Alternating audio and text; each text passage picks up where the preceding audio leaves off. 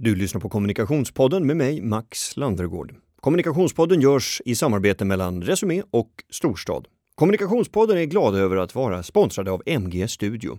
Du som är frilanser och småföretagare, du har ju tillräckligt mycket att göra. Och jag som också är företagare vet att det finns saker idag som jag önskar att jag hade kunnat veta när jag precis drog igång företaget. Därför finns MG Studio. MG Studio erbjuder kurser för frilansare och småföretagare som kombinerar ledarskap, affärsutveckling, marknadsföring, media, hållbarhet och sälj. Du ska ha tid, du ska ha råd. Det är MG Studios kurser anpassade efter. Gå in på mgstudio.nu och läs vidare. Alltså mgstudio.nu. Nu drar vi igång med veckans avsnitt av Kommunikationspodden. Vilka ska jag rekrytera? Hur ska jag prata med kunder och vilka ska jag samarbeta med? Idag pratar vi om att starta byrå i Kommunikationspodden. Petronella Barveus, delägare i Maniola Studios och tillväxtstrateg. Jajamensan. Välkommen till Kommunikationspodden. Tack så mycket. Född och uppväxt i Hedemora. Stämmer bra. Vad fick dig att vilja börja jobba med kommunikation i Stockholm? Det är också en jättebra fråga. Det hade jag ingen aning om att jag ville förrän jag plötsligt gjorde det, kan man säga. Eh, det var ingen dröm jag växte upp med. Eh, hade inte så mycket drömmar kanske under uppväxten, utan det var bananskalet som ledde mig hit kan man säga. Mm. Vilket bananskal då? Eh, den korta versionen, jag började plugga eh, informationsdesign i Eskilstuna. Eh, den sades vara utbildningen för de som inte kom in på Journalisthögskolan. Inget ont om, om Mälardalens högskola så, men det var Nej, en sägning jag hörde. okej. Eh, Var det det som fick dig att söka? det var det inte, det var på tips, på rekommendation som så Ja. mycket annat. Ehm, och eh, sen har jag alltid varit intresserad av eh, digitala medier säger man ju idag, det sa man inte på den tiden kanske, men webben, nya möjligheter, teknik och datorer, internet. Och eh, höll mest på med det på, på fritiden kan man säga. Men i kombination med det jag pluggade där då, så eh, ledde det mig till en eh, roll som webbredaktör på spray.se. Om man nu Mhm. minns den tiden. Ja visst, det Mhm. var väl ehm, liksom, oj, nu då backar vi till pass, passagen och Ja, det var torget den, och... des, mm, alla Mm, de det var- härliga. Det var någonstans där. Vad gjorde man på Spray? Det var liksom en hangout på något sätt, eller? Mm, det Skulle var det vara som allt. ett Lunar Storm för, för Eh, vuxna, eller vad? Det kan man väl säga bland annat. Jag kom in när det, fort, när det inte var riktigt lika hypat och coolt. Det här var efter IT, ja det som blev en IT-bubbla då. Så att eh, när jag kom dit så var det fortfarande, jag tyckte att det var otroligt häftigt. Det var massor med saker, men det var inte alls sådär att åka skateboard i korridorerna som det var kring millennieskiftet kanske. Men eh, det var Spraydate var ju stort. Mm, just det. Eh, För er, eh, för er som bara har använt Tinder så kan vi ju, för, du, du får gärna fylla i här, Mm. men Spraydate var väl liksom för de som också vill veta vad en person är? Och inte Det- bara swipa på ser ut. utseende?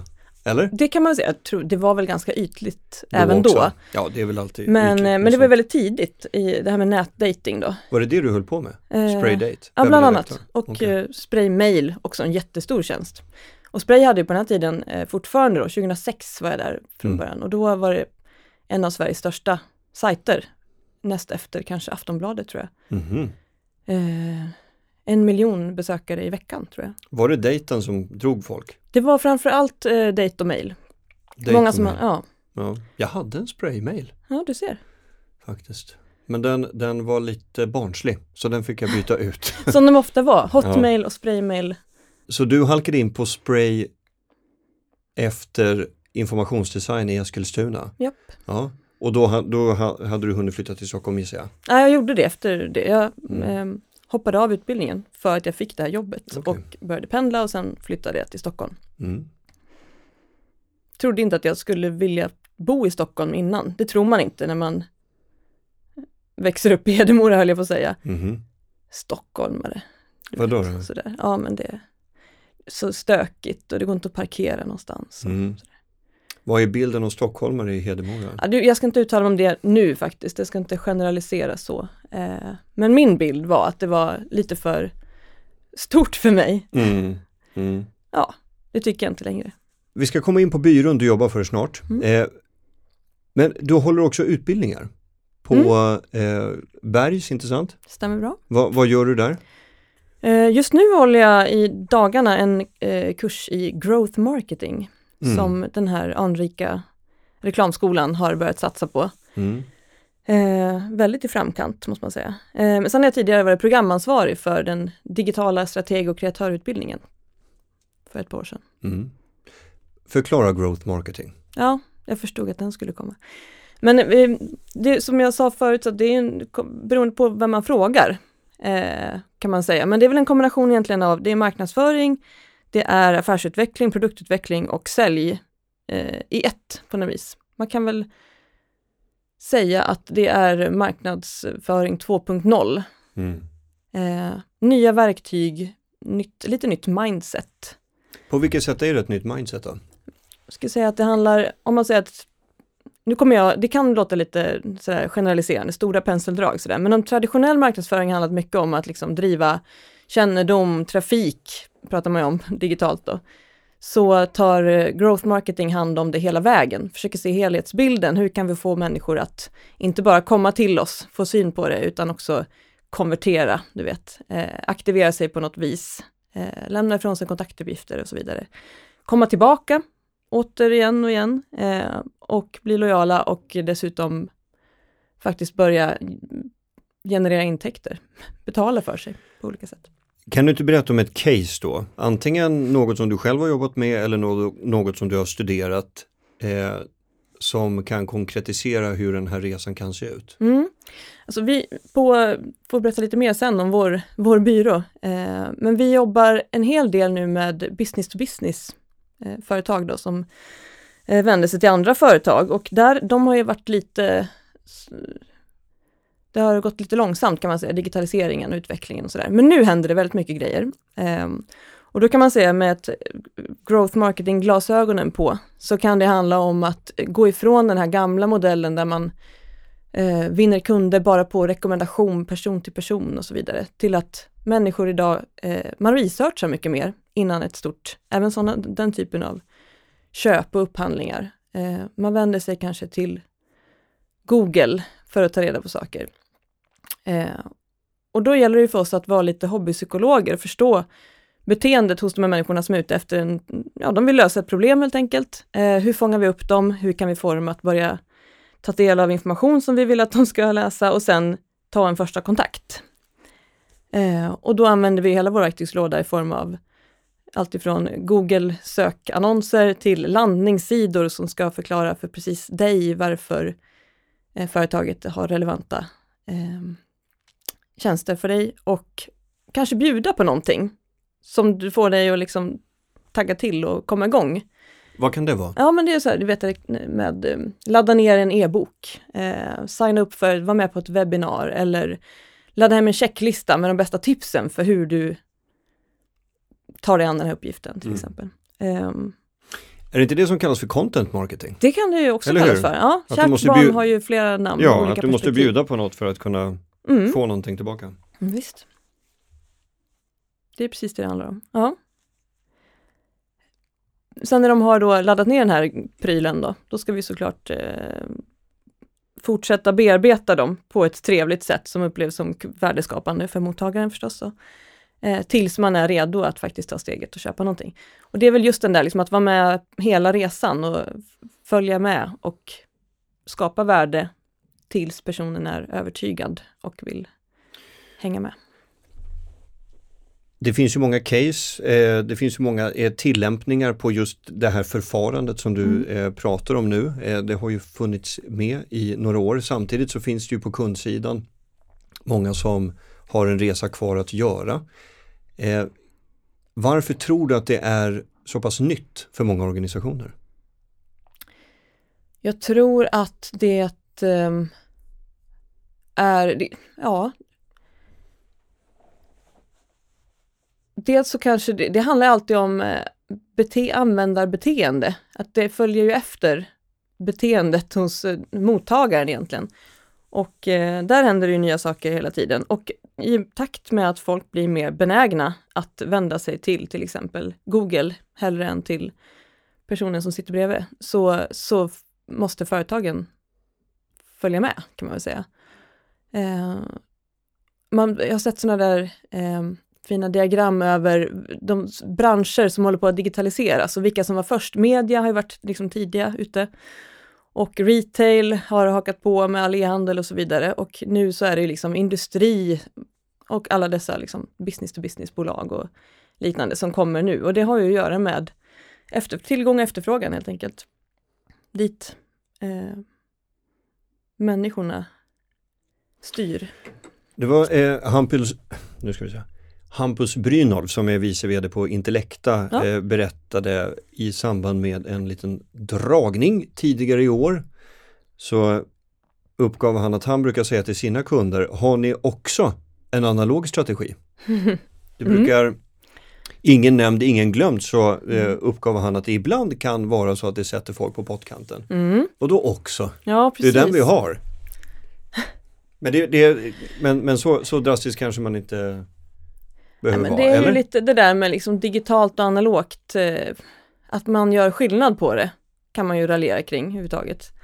Men det beror väl på att det är det digitala som har kommit till, som har varit förändringen de senaste åren, eh, såklart. Men eh, ja, ambitionen är väl att det ska hänga ihop. Vi människor lever ju inte heller antingen analogt eller digitalt, utan det är ju precis som man inte pratar om att man är uppkopplad, man sitter inte på internet idag, utan det är väldigt sömnadslöst Mm. i vardagen. Hur, hur har dina medievanor påverkats av eh, att vi har varit med om en ganska disruptiv tid också i medielandskapet? Alltså hur, hur ser din informationshämtning ut idag som den kanske inte gjorde eh, för Ja vad ska vi ta för att Hur det ska långt kännas tillbaka ska Ja vi precis, gå? Nej, men vi, säger, vi säger 2012 För jag tänkte jag, det, det här är bara, det, det är helt empiriskt jag, jag har inget vetenskapligt stöd för denna spontant uppkomna fråga men 2012, 2013 känns som att det var, då hände det någonting. Då kom Mm. det en liten brytpunkt. Då kom, eh, i alla fall i Sverige så började man prata ganska mycket om Netflix, HBO Nordic, Just det. Imagine hade vi ju ett, ja du Ja. jobbade ju där! Det gjorde jag. Jag var med där. Eh, Du var med, då var du med där 2012, 2013 typ va? Japp, det var som, precis som du satte fingret på, det är en, sp- en spännande tid vad gäller framförallt rörlig media då. Berätta om Imagine. Ja, Magin var ju då en, eh, vad säger jag, eh, för att det är inte så mycket mer längre idag, men det var ju då tanken att gå från det gamla tv-tittandet till den nya tidens tv-tittande som är på då mottagarens villkor. Att jag kan bestämma själv när jag vill titta på ett program, eh, jag kan pausa, jag kan spola och jag kan välja och vraka i allt utbud. Det där som alla Som konsumenter Netflix fast mindre. drömmer om. Precis, eh, men också lite som en övergång, för vi är väldigt vana tittare på, som man nu säger, linjär-tv, eh, tv-tv. Förut sa man bara tv, nu måste man liksom definiera, Mm. det är precis som när- Gam-tv. gammel-tv, ja som precis, pappa brukar säga. Ja. eh, har ju haft ett otroligt tittande, alltså en, folk, många timmar i veckan helt enkelt Ja. har ju vanorna varit länge och eh, övergången från det till helt on demand är ju inte, det, det går inte över natt helt enkelt. Så att tanken var väl att Magin skulle överbrygga det där, att man skulle fortfarande kunna titta på de här eh, programmen som samlar människor hemma i tv-soffan, det här lägerelds-tvn, som på när man själv var yngre då, eh, Fångarna på fortet, alla tittar samtidigt. Mm. Eh, övergången från det till att Netflix-utbudet, du har tusen grejer att titta på och alla tittar på olika. Eh, då skulle Magin överbrygga det och man kunde titta på då tv-kanaler, det var ettan, tvåan, fyran Mm. och så vidare. Men eh, på dina villkor. Just det. Och det var en väldigt häftig tjänst. När jag fick den demad för mig första gången så var man, man var liksom wowad. Sen gick det väldigt snabbt den där hösten 2012 då. Mm. Eh, samtidigt som Magin lanserades, blev jätteomtalat, det var en jättehäftig tid att vara med på under Mm. beta-perioden då. Jag hade ett Magin-konto. Du hade det, du är en Mm. early adopter. Det, det kan man nog säga att det var Ja. faktiskt. Vad gjorde du där? Jag eh, var någon slags eh, community manager, marknadsperson person, kan man säga. Okej. Mm. kommunikationsperson eh, och hade framförallt hand om kommunikationen mot, gentemot användare men också presskontakter och journalister och Mhm. media sådär. Du gjorde En rubbet. enda röra. Ja, Mm. eh, under betalanseringen. Så det var Det var jättehäftigt. Men sen Mm. så kom ju just Netflix, HBO Nordic kom. Eh, alla tv-kanaler började skapa egna. Exakt, Play. More, Viaplay, Mm. you name it. Det fanns inte innan, det är inte så Nej. jättelänge sedan. Men det vet, det är det lätt att glömma. Att så här, Crazy. du kunde inte välja att titta på Idol eh, Mm. när du ville. Nej, jag vet. Det är ju ett beteende som verkligen fick folk att bara Mm. Man tror inte att det inte har funnits liksom, Nej. innan. Eh, det är roligt att tänka på det att Netflix är ju verkligen ett överlevarföretag. De började väl med att hyra ut Mm. DVDer va? Som de postade hem till folk. Precis. Mm. Det, det är ett bra exempel. Vi brukar ju ta upp Netflix ofta när man pratar om eh, digitalisering och förändring och det där med att ställa om sin affärsmodell så är de ett ypperligt exempel på det. Att gå från att just skicka hem fysiska DVDer, från början också on, alltså på beställning, ungefär som att du går och hyr en film. Sen gick de över till den här prenumerationsmodellen som också fanns i Sverige, Love Film fanns det ett företag som just hette, om du Ja, minns. det. Jo men det hade jag också. Så man fick hem en DVD per Mm. vecka eller Ja, kanske? ibland fick man hem lite många om man hade varit lite slarvig på beställningarna. Eh, Då kunde man få hem tre på en vecka. Mhm. Tittade på två, glömde bort en. Eh, Jag skulle fråga om dina Ja, medievanor. det var där vi var. Hur har de ändrats då sedan 2012? Mm. Hur såg de ut 2011 och hur ser de ut idag? Mm. Ja, men just den eh, delen är väl eh, viktig att poängtera då, att det är väldigt mycket mer on demand nu. Eh, jag tittar såklart på alla, samma serier som alla andra. Det är Game of Thrones och det är liksom det vanliga, men att man väljer tidpunkt själv. Ju. Så det är väl en stor skillnad. Sen så tänker jag också, jag tänker på Omni, appen, Schibsteds app, där man eh, tar till sig nyheter då. Den, Mm. Jag minns inte vilket år den kom, men det var väl också Det, nej, men det var väl i den vevan va? Mm. 2013 om jag inte Något minns sånt. fel. Ja precis, jo, men en app som samlar nyheter i olika format kan man Precis, säga. från Mm. olika källor. Och Precis liksom, ja. Mm. Mm. En hubb, nyhetshubb. Ja, och det Mm. har väl också lett till kanske, ska jag erkänna, att man eh, läser lite slarvigt. Det är mycket liksom läser rubrik och ingress, men inte så mycket mer. För att bara känna att man har, man säger jag, menar jag själv, har koll på det senaste. Om någon frågar, har du hört om det där? Då har jag det, men eh, färre fördjupningar kan man väl Ja. säga. Var vänder du dig för att fördjupa kunskap Mm. idag? ofta på, där tänker jag ofta på rekommendation. Eh, jag försöker hålla koll på vad personer som jag tycker är intressanta, vad de läser och tipsar om. Och eh, då blir det ofta liksom in på några long reads Mm. På eh, oberoende vilken källa, alltså det är Mm. ja, Harvard Business Review eller DN eller eh, vad som helst egentligen. Ja. Ska vi gå in på det som du är inbjuden till att prata om? Ja. Maniola Studios, Mm, eh, är du en av tre delägare, inte sant? det stämmer bra. Eh, Ni har funnits ett år, startade alltså 2018. Mm. Ni kallar det för en growthbyrå, growth marketing har vi varit inne på. Mm. Eh, jag tänkte, eh, vi kan väl gå in på erbjudandet sen, men jag tänker, vad är viktigast att tänka på när man startar en ny byrå? Mm. du säga? Ja, nu är det ju första gången jag har gjort det, så att jag har, de erfarenheter jag har är, är de jag har helt Men de enkelt. är ganska nya också. Ja, precis, de är Ja, färska, det kan man precis. säga. Eh, jag tyckte att det var väldigt bra. Vi jobbade ihop eh, i ett år, ett och ett halvt kanske, innan vi eh, rent formellt så att säga, vi dejtade först kan man väl konstatera, innan vi gick ihop och Mm. formellt startade företag tillsammans. Och det tyckte jag var väldigt eh, en bra start. Man vet vad man, man lär känna varandra, vet vad man har varandra, eh, se till att man har samma mål och visioner. Jag tror att det behöver inte vara fel, men jag tror att det startas mycket byråer liksom på en så här eh, after work. Att man liksom så kommer på och så bara, ja vi kör. Ja det där är så är härligt hur, häftigt. hur mä- människan liksom i alla tider egentligen har så här wingat väldigt stora beslut. Ja. Äh, fan vi skaffar ett till barn. Nej men vi köper den här lägenheten. Nej men vi startar ihop. Livet består väl av liksom en, en rad wingade beslut. Ja. Så är det ju. Eh, och jag skulle säga, jag är kanske lite mer analytisk som person än många andra. Eh, tycker att jag är snabb och flexibel, men också liksom lite eftertänksam. Så att eh, för mig var det bra att få lite liksom kött på benen och testa på det först och eh, se till att vi har samma, siktet inställt åt samma håll. Ehm, så det funkade bra. Och idag Det kan var en man ju, hygienfaktor. Det var en hygienfaktor, Mm. för mig i alla fall. Mm. Och idag kan man ju faktiskt jobba ihop, eh, vi var alla tre då egna, eller ja, frilansande konsulter kan man säga.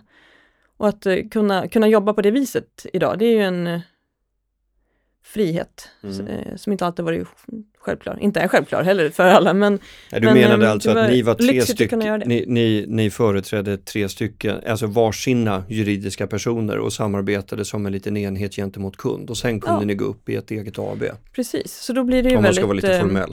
Steg, ja, Ja. verkligen. Mm. Eh, Så gick det till. Eh, Vilket var ju också Ja. lyxigt då, det hade vi, när vi körde igång då, som du sa, för ett år sedan eller ett och ett halvt eh, tror jag ungefär, så körde vi igång Maniola Studios och då hade vi redan kunder, vi hade redan upparbetade processer tillsammans, vi, hade, vi kände varandra och vi tyckte att vi visste vad vi höll på med. Så det, det, det var väldigt eh, smooth, som Klarna skulle ha sagt Mm. hela, hela uppstarten.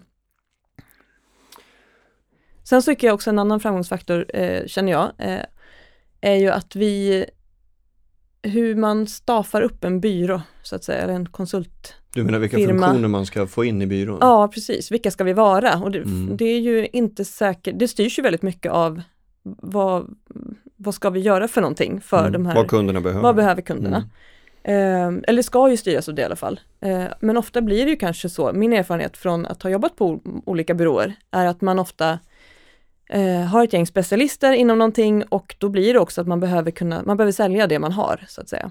Nu har vi massa programmerare, då måste vi bygga något för den här kunden. Eller nu har vi massa copywriters och då behöver vi skapa eh, text eller innehåll Mm. och sådär. Tycker du att det är så idag? Eh, ja, det tycker jag att det är. Eh, jag tror inte att man, inte med flit att någon gör så, men att det är klart att det blir så, att vi behöver eh, få, få, få rull på det vi har så att säga. Mm. Vi kan ju inte sälja något vi inte har. Eh, så vi har varit lite, tycker vi själva, smarta kring det där eh, i och med att vi som är i kärnteamet är framförallt generalister, strateger. Vi har ganska många strängar på våra lyror och verktyg i lådan och alla andra metaforer. Men vi, vi eh, är ganska flexibla eh, så att vi inte fastnar i att vi behöver göra just den här saken eh, hela tiden. Och eh, när vi jobbar då med specialister så tar vi, jobbar vi mycket i nätverk och har jätteduktiga frilansare, seniora frilansare som vi jobbar med Mm. när vi behöver någonting specifikt. Och det gör att vi kan vara, tycker jag då, på riktigt objektiva i våra rekommendationer Mm. eh, och utforskande. Vi kan lära känna en ny uppdragsgivare och prata om vad har vi faktiskt för utmaningar framför oss och utforska det och sen komma fram till vad behöver vi göra. Mm. Sen tror jag, så säger väl, det skulle väl de flesta eh, byråer säga att de jobbar på det viset Mm. såklart, att man bestämmer sig inte först. Men det är ju lite så att för, vad är det man säger, för en hammare så är allting en spik. Mm. Är det så man säger? Det vet jag. Jag har faktiskt aldrig hört det förut men jag tyckte att det var ganska Det very well put. Ja men, eh, Ja det är klart, för en hammare är allting en spik. Eller så här, ja, en hammare vet bara, tusan. ja exakt, att man liksom, En hammare gör sitt jobb bra med spikar helt enkelt. Ja, och eh, då precis. eh, har man och en, såg, och så sågar du med oss. Nej nu snurrar vi in oss ordentligt. Men, jag tyckte det var bra. Alltså, eh, kanske ska stanna där. nej, jag tycker det var bra. Alltså, eh, en hammare gör ett bra jobb så länge det är en spik man ger till en hammare. mm, Typ så. Ja. precis så. Ehm, Mm. Så så gillar vi också att jobba. Att vi, nu har ju vårt kärnteam vuxit från oss tre då till eh, att vi nu är fem eh, Mm. i alla fall. Så vi Mm. ja, växer eh, Men- proportionellt mycket men med i lagom takt. Men att vi omger oss också med duktiga specialister Mm. inom till exempel, det kan vara allt ifrån sökoptimering till eh, varumärkesdesign och så vidare. Så, så Men det, alltså jag kan förstå att på byråsidan så det är ju fortfarande svårt att du kanske har ett väldigt, eh, alltså du, du sitter i en pitch och så är det ett väldigt viktigt eh, konto för er, både kanske affärsmässigt men också i positionering så är kunden väldigt viktig och så sitter du samtidigt med en massa tillsvidareanställningar mm, som är väldigt bra på, på en viss grej. Mm. Du sitter med tre hammare och de behöver bara en såg. Mm. Liksom. Det, är- det, är- det, är ju en, det är en svår avvägning. mm, Du vill, du vill ju behöva, alltså, du vill kunna erbjuda ett brett kartotek utav funktioner visst. samtidigt som du inte vill låsa upp dig på att vara väldigt, ja, alltså att det haltar så att eh, eh, det man erbjuder inte svarar upp mot det som efterfrågas. Mm. Hur ska, man, hur ska man tänka där liksom? För man vill ju kunna vara ett starkt team och samtidigt så, Mm. ja, Ja, det är klart, man vill ju jobba med vassa människor och de vill man gärna jobba med eh, mycket och knyta till sig. Eh, men jag tycker att jag ser när jag spanar, jag försöker spana mycket på hur andra gör, vad som funkar, vilka byråer som går bra och försöka se eh, mönster i det.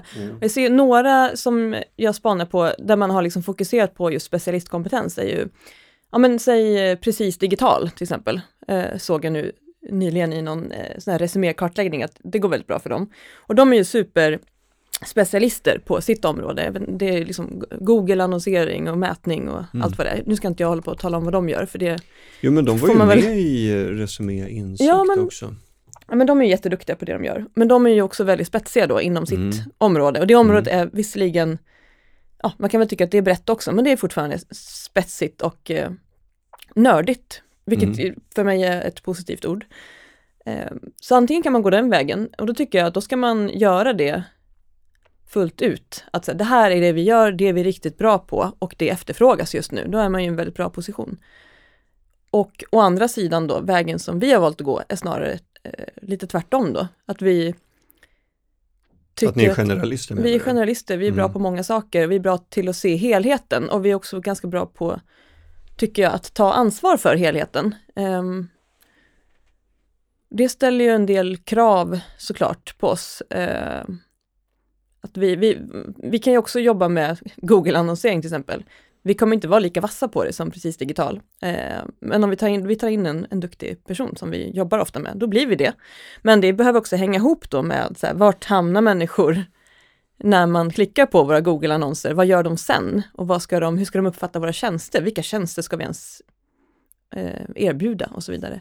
Mm. Eh, och om vi kan ta det liksom hela vägen och zooma ut och zooma in som vi vill, då blir det ju bra, hoppas jag. Om jag får, ja, och jag, jag har inte funnit någon anledning att, eh, att ifrågasätta det upplägget men om man får ställa en liten jobbig fråga, det. alltså att Mm. vara Alltså ett dilemma som jag kan bara stöta på när, när, när vi pratar om distinktionen mellan att vara specialist och generalist. Mm. Alltså i ett kundperspektiv, då kanske man blir pådyvlad en massa olika göromål. Mm. Och så måste man plötsligt eh, vara bra och så ska du, då är det copy och så är det en kommunikationsplan och så är det någon, eh, liksom, du vet ett tidningsomslag och sen ska du göra någon liten one-off publikation där. Ja, Men du vet, Mm. det är så otroligt många processer att hålla igång samtidigt. Ehm, är det inte lite svårt att positionera sig om man kallar sig för generalist jämfört med om man är en, en specialist? Absolut. Samtidigt som specialisten blir ju också av med kanske potentiella jobb eftersom de bara kan en sak. Ja, så är det ju såklart. Det är väl lite också ordet generalist tycker jag inte, det klingar inte så himla härligt heller. Eh, det låter lite, ja men mellanmjölk, man är lite halvbra på allt möjligt sådär Det, kanske. det, det, alltså, det, Ehm. jag, det vet jag inte men, men liksom, jag, jag kunde bara se ett dilemma där. Mm. Liksom. Jo men det, det, det är klart. Eh, det är en balansgång hela tiden. Men de flesta bolag och organisationer som du, precis som du sa, har ju alla de här utmaningarna. Att det ska liksom ena dagen göras ett event och andra dagen ska man göra ett eh, tidningsomslag eller vad sa. ja. Och sådär. Och att, men att allt det måste ju också hänga ihop. Och antingen så måste de då eh, anlita Eh, ja, stora bolag har ju ofta massa olika byråer eller olika partners som de jobbar med, eh, som är specialister på olika områden. Och det är, hur ser liksom byråsammansättningen ut, byråmixen? Eh, men när det gäller mindre eller mellanstora bolag kan man säga, små och medelstora, som vi, väl jobbar framförallt med, då behöver man fortfarande alla de här sakerna, men man har inte riktigt möjlighet eller råd eller tid att gå till tio olika eh, partners för att få det. Och då kan man ju tänka sig Mm. att det passar bra med en, en eh, enmansband höll jag på att Ja, kalla det för istället, ja. men eh, Jo, men, inte riktigt men du, vad, vad, vad tittar kunder på i valet av byrå? Ja, det, det tycker jag är jättespännande att ta reda Mm. på. Jag brukar följa eh, Regi gör den här årliga Årets byrå eh, som också är en tävling och Just så vidare. det, regi är väl en branschorganisation va? Mm, Ja, Eller vad, vad, analys, vad är de för vad någonting? något? Definitionen, de är väl ett analys... eh, Just det, de, de är ju ett bolag, de jobbar ju också med, de, är- det, förlåt, det är inte en branschorganisation. De håller på med analys och, De gör årets byrå men också årets advokatbyrå och kanske andra liksom, Mm. branscher också. Men just inom eh, ja, den Mm. växande branschen som vi jobbar i då, Mm. vad det nu är, hur man ska definiera den, men kommunikation och eh, ja, den typen av byråer, så gör de ju en kartläggning varje år där de intervjuar eh, kunder. Jättemånga gör de. Eh, och då brukar de få ut ganska bra grejer kring vad, vad tycker eh, uppdragsgivarna då att eh, deras byrå är bra på? Vad tycker de att saknas och vad, vad tycker de är allra viktigast helt enkelt? Och det som brukar komma högt upp där, eh, som svar på din fråga då, vad, vad tittar de efter? Ja. Eh, de senaste åren som jag minns det så har det varit mycket, ja men dels mycket digital kompetens. Det har ju varit på allas läppar i många år. Det är ingen eh, ingen ny, det är ingen, science, ingen nyhet, så här, Nej. inget att tj- tjata om. Nej. Men också eh, förståelse för kundens marknad tror jag har varit på topplistan. Mm. Eller förståelse för ja, kundens verksamhet kan man ja, säga. och deras affär. Ja, Mm. och där, det, på det spåret eh, tycker jag är lite ännu roligare att prata om än Alltså förståelse för hur kunder uppnår sina KPI. Exakt, och hur ja. funkar deras verksamhet, vilken värld lever de i? Mm. Och det där tror jag är en så himla bra grej att faktiskt sätta sig in i och förstå, för att det är så himla olika. Och eh, om man ska kunna göra ett bra jobb och speciellt någonting som, om- det börjar jobbas ganska liksom, affärsnära, då behöver man ju förstå hur spelplanen ser ut, vad är det som påverkar deras marknad, allt ifrån eh, internationella politiska områden till eh, hur funkar säljcyklerna eller vart befinner sig målgruppen eller vad tänker de på och så vidare. Och det där är så himla viktigt och jag tror att det är någonting som de uppenbarligen efterfrågar och tycker att byråer ibland är ganska dåliga på.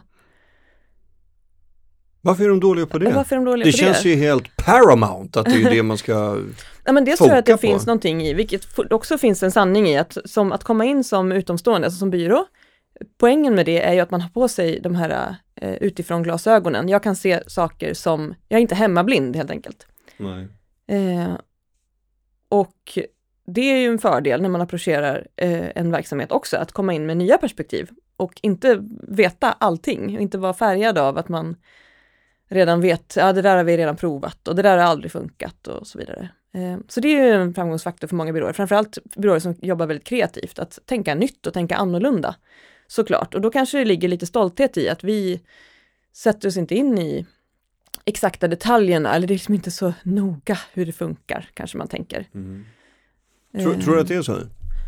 Ja. Jag vet inte. Mm. Men det, Nej, jag är bara nyfiken. det verkar i alla fall på den här undersökningen att det blivit allt viktigare med åren, att de bolag tycker att deras byråer inte har tillräckligt bra koll på vad de gör. Nej.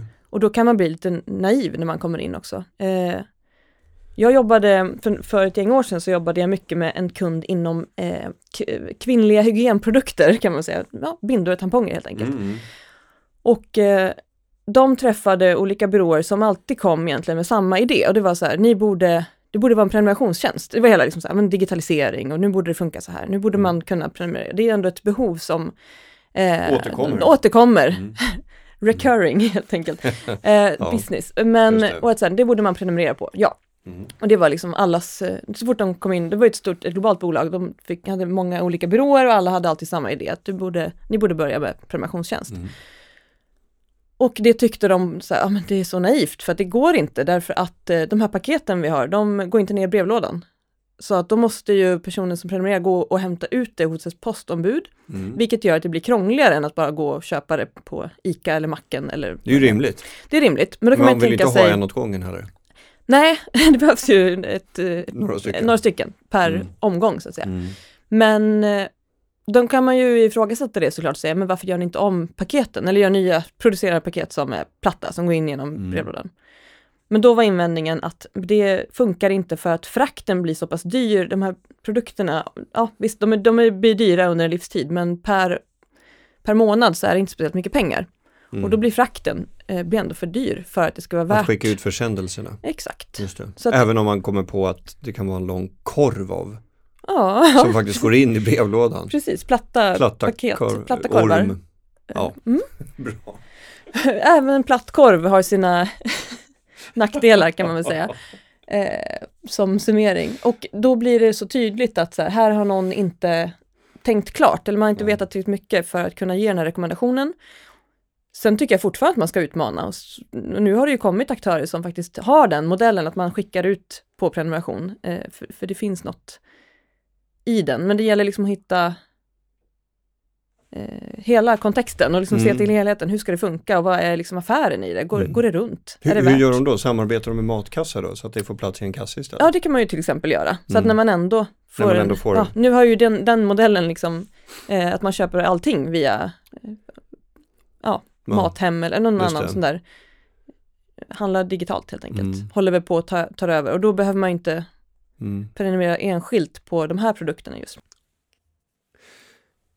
Nu bryter vi avsnittet för lite reklam. Visst kan det kännas svårt att räcka till vännerna, familjen, ja du hör ju själv, jobbet och så måste du träna också. MG Studio erbjuder samtalsgrupper med fokus på lifehacks som ska skapa balans hos den moderna människan.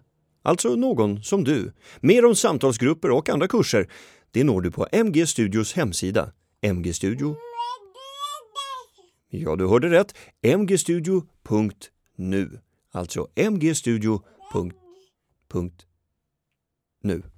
Nu tillbaka till innehållet. Eh, Resumé Insikt skrev i våras ett långt reportage om att eh, byråer idag i en helt annan utsträckning måste hjälpa sina kunder med affärsutveckling. Mm. Spännande. min spontana tanke när jag läste det var så här, har de inte alltid gjort det? Vad är det som är skillnaden från idag? Ja, det är en bra fråga. Eh, frågan är hur man definierar affärsutveckling Mm. eh, kontra någonting annat då. Ehm, man kan väl tänka att man får gå, det krävs att man går lite djupare då. Det är så mycket som ska, det räcker inte med att polera ytan så att säga, eller göra paketeringar bara, utan det kanske, man behöver gå lite djupare och förändra i distribution eller i liksom affärsmodell eller någonting annat. Så på så vis så håller jag med. Sen så kanske man inte skulle säga att byråer måste göra det, utan man kan ju återigen då vara specialist på eh, kreativa kampanjer. Vilket kanske handlar mer om paketering och eh, än om affärsutveckling.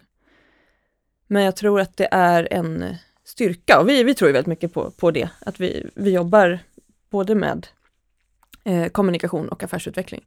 Och att det ena driver det andra också väldigt mycket. Ehm, men Mm. har kunder slutat förstå sin egen affär? Eller måste byråer läsa på extra mycket för att inte bli ersatt av inhouse-folk? läser du högt ur resuméartikeln nu? Nej, jag kom på det nu. Du kom på det nu? Ja, Ja. det var eh, insiktsfullt. Jag tror inte att kunder har slutat förstå sin egen affär. Däremot så tror jag att de, de, de kan sin affär bättre än någon annan skulle jag säga. Däremot så kan det ju vara svårt att alltid se eh, förbi horisonten av det man redan vet eh, och tänka annorlunda. Och det tror jag att man kan ha nytta av att få in nya ögon på. Ehm. Och den här inhouse-trenden på det då, det är väl också, ja, som du var inne på förut, att de flesta bolag behöver gö- kunna göra massor med olika saker i ny, massa nya kanaler och på massa nya sätt hela Mm. tiden. Och det behöver gå snabbt och eh, vara kostnadseffektivt och löpande.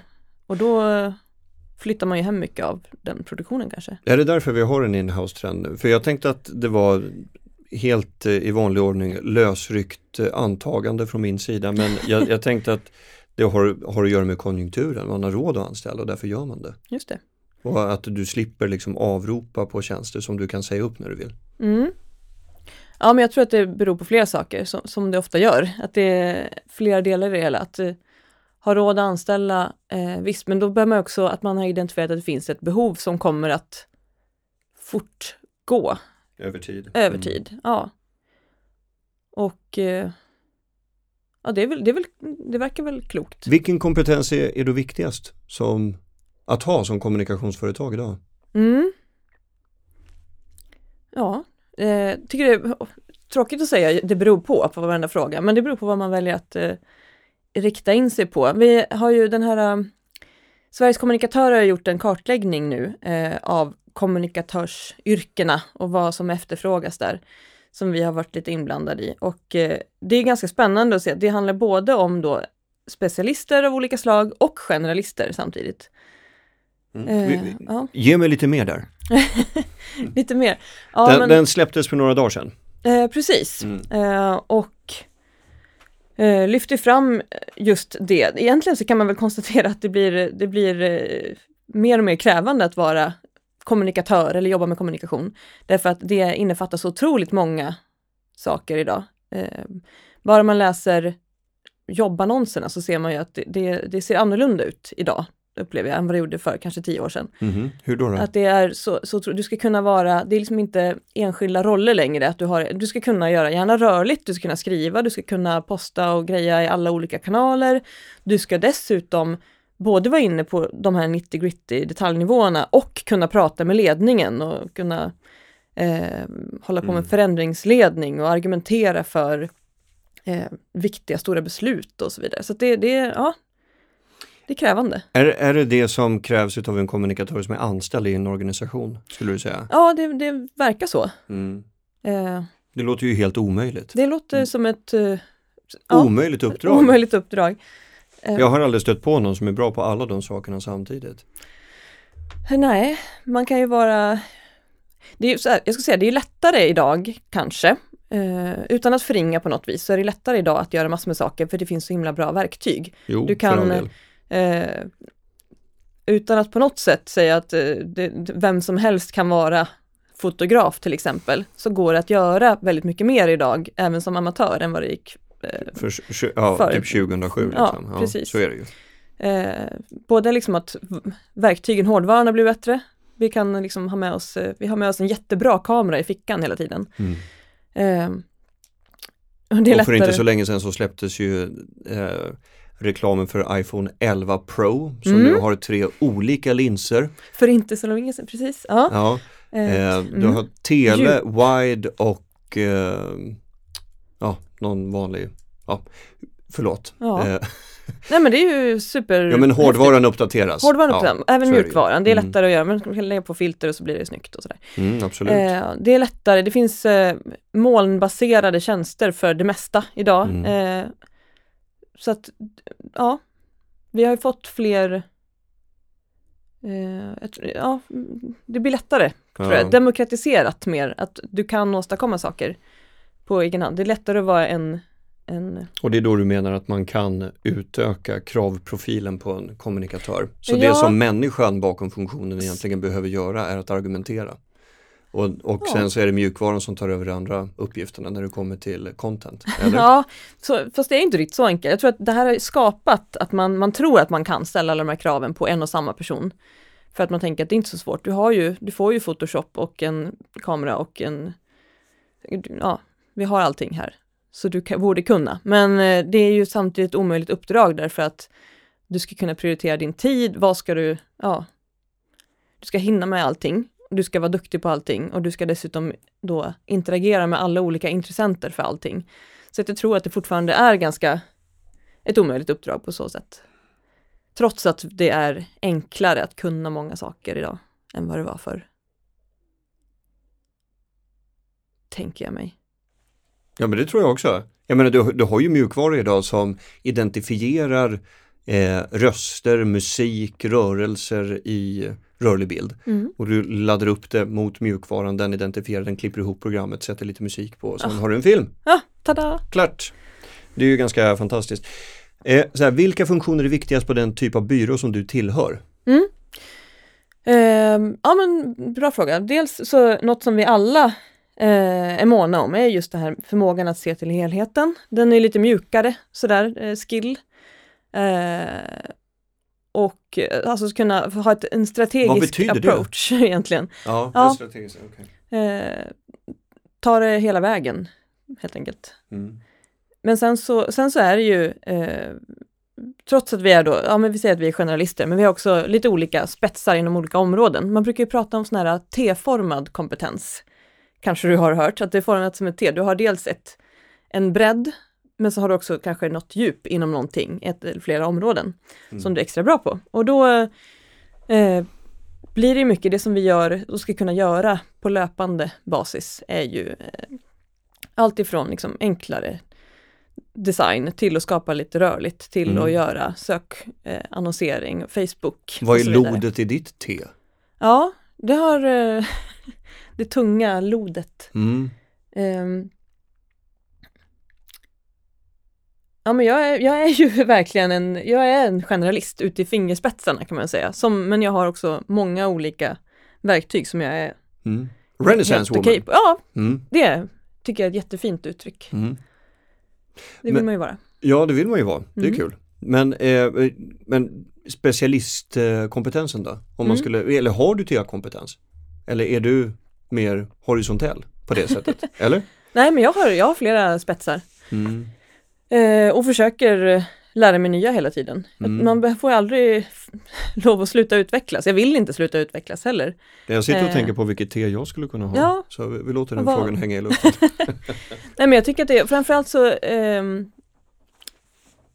tycker jag också att det är bra att prova på saker. Att jag kan, jag har gått sån här tjejer kodar-kurs Mhm. för att lära mig lite programmering. Är det den som KTH har haft? Eh, nej, jag vet inte om de har ett samarbete kanske med KTH, men Tjejer kodar började som ett initiativ av några eh, bekanta till mig som Mm. eh, valde att åka iväg på en resa för de ville lära sig koda. Så tog de med sig en person som kunde det. Sådär, och så frågade de om några fler ville hänga med och det visade sig Mm. vara jättemånga som var intresserade av det.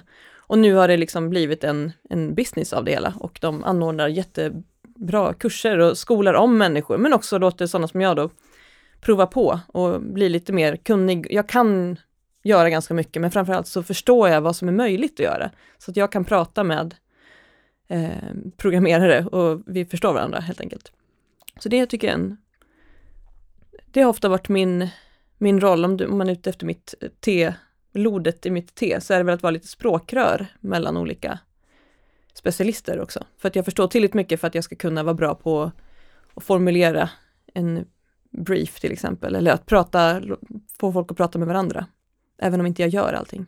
Upplever du att beställarsidan tröttnar på byråer snabbt och att man måste starta nya lådor för att kunna vara relevant? Eh, menar du att, de, att om jag upplever att de tröttnar på specifika byråer som de jobbar med? Ja, men jag tänker att, jag tänker inte på din byrå nu utan nu tänker jag liksom, du har ju varit med i branschen ett tag nu och liksom eh, är med i olika nätverk och så. Mm. Eh, så att jag, det här är en generellt ställd fråga. Mm. Och det då, vi har ju ofta ganska, alltså vi har ju ofta byråer som poppar upp. Det, Mm. det, är ju, det är ju inte liksom samma företag som har funnits liksom hur länge som helst ofta utan det är nya konstellationer och de öppnar något AB där och så vidare. Mm. Är vi, är vi i en extra utsatt bransch i det avseendet att, att eh, gammal behöver inte vara äldst eh, i just reklambranschen Just det. utan att eh, du associeras, ett varumärkesnamn associeras väldigt hårt med en typ av erbjudande och därför så måste du liksom eliminera det varumärket och Mm. hoppa in i ett nytt för att kunna vara relevant igen. Ja, ja, men det kan man väl se hos många, även byråer som har varit med länge, att det ploppar upp små, s- vad heter det, liksom side, sideshows hos Mm. dem. Eh, när man identifierat ett område som man tycker är intressant, ett, ett tillväxtområde kan man väl säga, eller så här, man vill prova på. Mm. Och så har man några eldsjälar som är intresserade av att eh, starta upp en sån. Då, då kan man, det ploppar ju upp. Och Det är väl lite opportunistiskt på, på ett kanske bra sätt. det som är fördelen, måste man väl säga, med den här, liksom, eh, den här konsultbyrå affärsmodellen är att den är Mm. ganska enkel att starta upp. Det är inte så mycket eh, man behöver inte köpa upp ett stort lager av någonting, man behöver liksom inte, man behöver bara Ja, smart, smartskallar som kan jobba. precis. Och så kör man och så hittar man på ett namn och en positionering. Det, var, det är inte som ett oljeraffinaderi direkt. Nej, precis. Utan det är eh, eh, snabbstartat. Eh, å andra sidan också sårbart, för det kan, eh, funkar inte så har vi liksom inget, eh, det går inte att lagra tid och kompetens eh, ö- liksom i ett lager, att sälja det. Vi kan inte sälja imorgon om det inte såldes idag. Nej. Eh, så är det ju. Så att Mm. det är lätt att starta och lätt att lägga ner kan man väl säga också. Vilket gör att det passar att vara lite opportunistiskt och ha, Mm. haka på en trend så att det kan komma upp eh, byråer som fokuserar på ja, något väldigt specifikt och obskyrt Mm. ibland. Just det. Ehm, Du, eh, Petronella, vilka poddar lyssnar du på? Eh, jag är poddlyssnare på samma sätt som jag är musiklyssnare egentligen. Att jag är inte så lojal till någonting utan jag eh, eh, lyssnar på ett avsnitt där och ett avsnitt här eh, av någonting som jag ofta får rekommenderat eller läser mig till på någonstans på Twitter. Eller Ge oss avsnitten du minns då i den här tid som du tyckte var bra. Det var för mycket begärt kände jag plötsligt. Ehm, nej men jag har liksom, jag lyssnar som sagt på musik på samma sätt, att det är inte sådana som sitter och lyssnar på hela album, utan att det är, Det när någonting, någonting fångar mitt intresse så hakar jag på det. Jag förstår. Så jag kommer inte komma dit till några bra tips. Då, då, då, jag, då ger jag ett tips i ditt ställe. Ja. Det gör du rätt i. Vi måste ha poddtips på slutet. Ja, ah, är det en tradition? Ja, det har kommit att bli det. Hade jag vetat så. Ja, jag vet.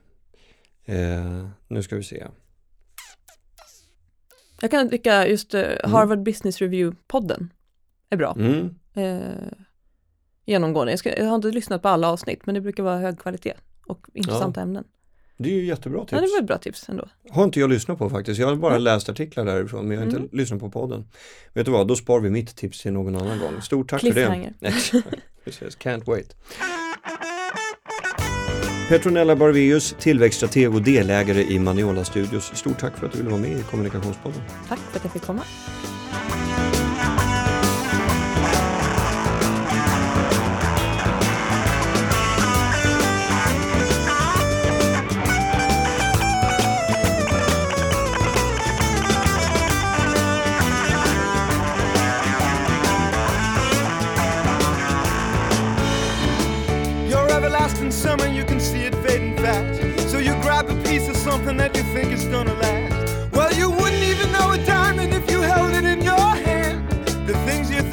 Precious, I can't understand.